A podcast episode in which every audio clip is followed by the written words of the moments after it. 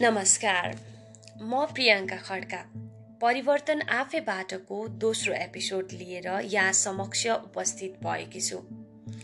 सर्वप्रथम त योभन्दा अगाडिको पडकास्ट जतिले पनि सुनिदिनु भयो माया र साथ दिनुभयो फिडब्याक दिनुभयो त्यसको लागि म सम्पूर्णलाई धेरै धेरै आभार व्यक्त गर्न चाहन्छु।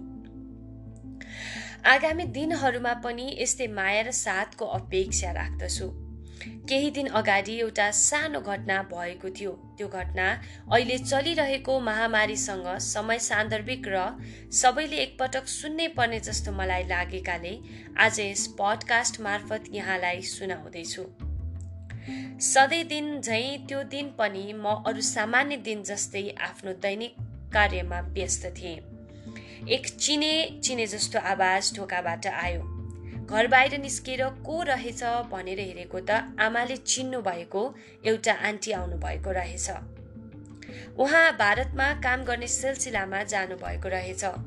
कोभिड नाइन्टिनको महामारीले गर्दा उता बस्न गाह्रो भएको र आफ्नो आर्थिक कारोबार काठमाडौँमा बाँकी भएकोले भारतबाट नेपाल त्यस दिन फर्कनु भएको रहेछ।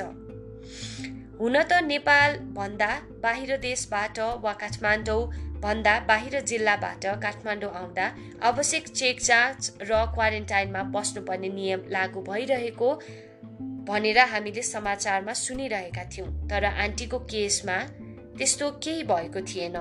उहाँले भन्नुभयो मसँग आउने अरूलाई पनि रोकिएन। उहाँलाई हामीले कसरी आउनुभयो र बस्नको लागि केही व्यवस्था गरेर आउनु भएको छ भनेर सोध्यौँ। तर उहाँले सामान्य ज्वरो मात्र जाँच गरियो क्वारेन्टाइनमा बस्नुपर्छ भनेर केही भनिएन। म आउने भनेर कसैलाई पनि जानकारी दिएको थिइनँ।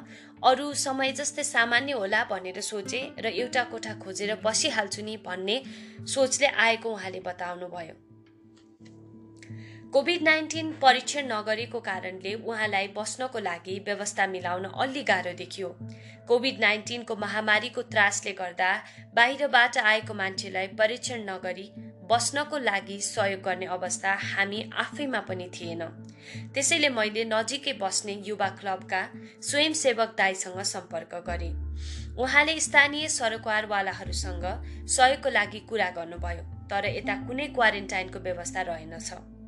कोरोना परीक्षण नगरी उहाँलाई बस्नको लागि सहयोग मिल्ने प्र्याक्टिकली अलि गाह्रै देखिन्थ्यो। यी कुरा भइराख्दा थुप्रै मान्छे जात्रा लागेको जस्तो हेरिरहेका थिए। कतिले त बाहिरबाट आएको मान्छे भन्दै घृणा र अपहेलित व्यवहार देखाइरहेका थिए। त्यस्तै क्रममा प्रहरीको भान आयो। प्रहरीसँग हामीले सल्लाह लियौँ। एक सय दुईमा फोन गर्नुहोस् भन्नुभयो। हामीले सल्लाह बमोजिम एम्बुलेन्सलाई फोन गऱ्यौँ एम्बुलेन्स लिन आउने भयो। उहाँलाई खानालाई अप्ठ्यारो होला भनेर सामाजिक दूरी कायम गरेर नै खानाका लागि चाहिने सामग्रीहरू प्रदान गऱ्यौँ मान्छेहरू हेरि नै रहेका थिए।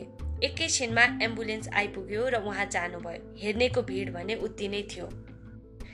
एकैछिनपछि हेरेर बस्ने मान्छेहरू ले हामी सबै जति पनि सहयोगमा जुटेका थियौँ र विशेष गरी मेरी आमालाई नजिकै आएर घटनामा के कुरा भएको भनेर बुझ्दै नबुझी भारतबाट आएको मान्छेलाई राख्ने तपाईँ पनि क्वारेन्टाइनमा जानुपर्छ भनेर असाध्यै नराम्रो बोलीमा बोल्नुभयो। मैले बुझाउन खोज्दा पनि झन् डिस्कस गर्न थाले। उहाँहरूको शब्द एकदमै रुड थियो। त्यो सुन्दा मलाई साह्रै नराम्रो महसुस भयो। हामीले त सबै मिलेर कोभिड नाइन्टिनको रोकथामका निर्देशिकालाई पालना गर्दै सामाजिक दूरी कायम राखेर एक जिम्मेवार नागरिकको भूमिका निर्वाह गर्दै एक मद्दत चाहिएको मान्छेलाई मद्दत गरेका थियौँ। तर यस्तो गर्दा मलाई साह्रै शिक्षित लाग्ने मेरो समाज र समाजका मानिसहरूमा मानवता हराउन थालेछ जस्तो लाग्यो। त्यो आन्टीको रिपोर्ट के आयो होला भन्ने तपाईँहरूलाई लाग्दैछ भने पिसिआर टेस्ट नेगेटिभ आयो र हाल उहाँले बस्ने व्यवस्था पनि मिलाइसक्नु भएको छ। यस घटनाले मलाई थुप्रै कुरा सिकाएको छ। सिकाइ नम्बर एक हामी सम्पूर्ण देशमा वा विदेशमा बस्ने नागरिकले यो महामारीको बेलामा देशमा कस्ता नियम लागू भइरहेका छन् अवस्था कस्तो छ भन्ने जानकारी राख्न र आफूलाई कसरी सुरक्षित राख्ने भनेर आफै सजग हुनुपर्ने देखिन्छ। दोस्रो सिकाइ नेपालीलाई दयालु मन भएको एक अर्कालाई गाह्रो साह्रो पर्दा सहयोग र सद्भावना बाँड्ने भनेर चिनिने गरिन्छ। विशेष गरी छिमेकीलाई त जिउँदाको जन्ती मर्दाको मलामी भन्ने गरिन्छ। नेपाललाई मानवता जीवन्त भएको उदाहरणीय देश भनिन्छ। तर यो चिनारी बिस्तारै व्यवहारमा हराउँदै गरेको मलाई महसुस हुन्छ। हो हामी सम्पूर्ण मानव जीवनको सबैभन्दा ठुलो सङ्कटमा छौँ। तर यो सङ्कटको घडीमा यदि हामीले एक अर्कोलाई सहयोग गरेनौँ भने हामी मानव जीवनको अस्तित्व नै मेटिनेछ। हामी त्रसित छौँ तर यो त्रासलाई हामीले अझ संयम विवेकशील र सहयोग र साथ प्रयोग गरेर एक मानवले अर्को मानवको मनोबल बढाउने र आफ्नो व्यक्तिगत तर्फबाट कति गर्न सकिन्छ त्यो गर्ने हो भने पक्कै पनि हामी यो सङ्कटबाट छिट्टै निस्किनेछौँ।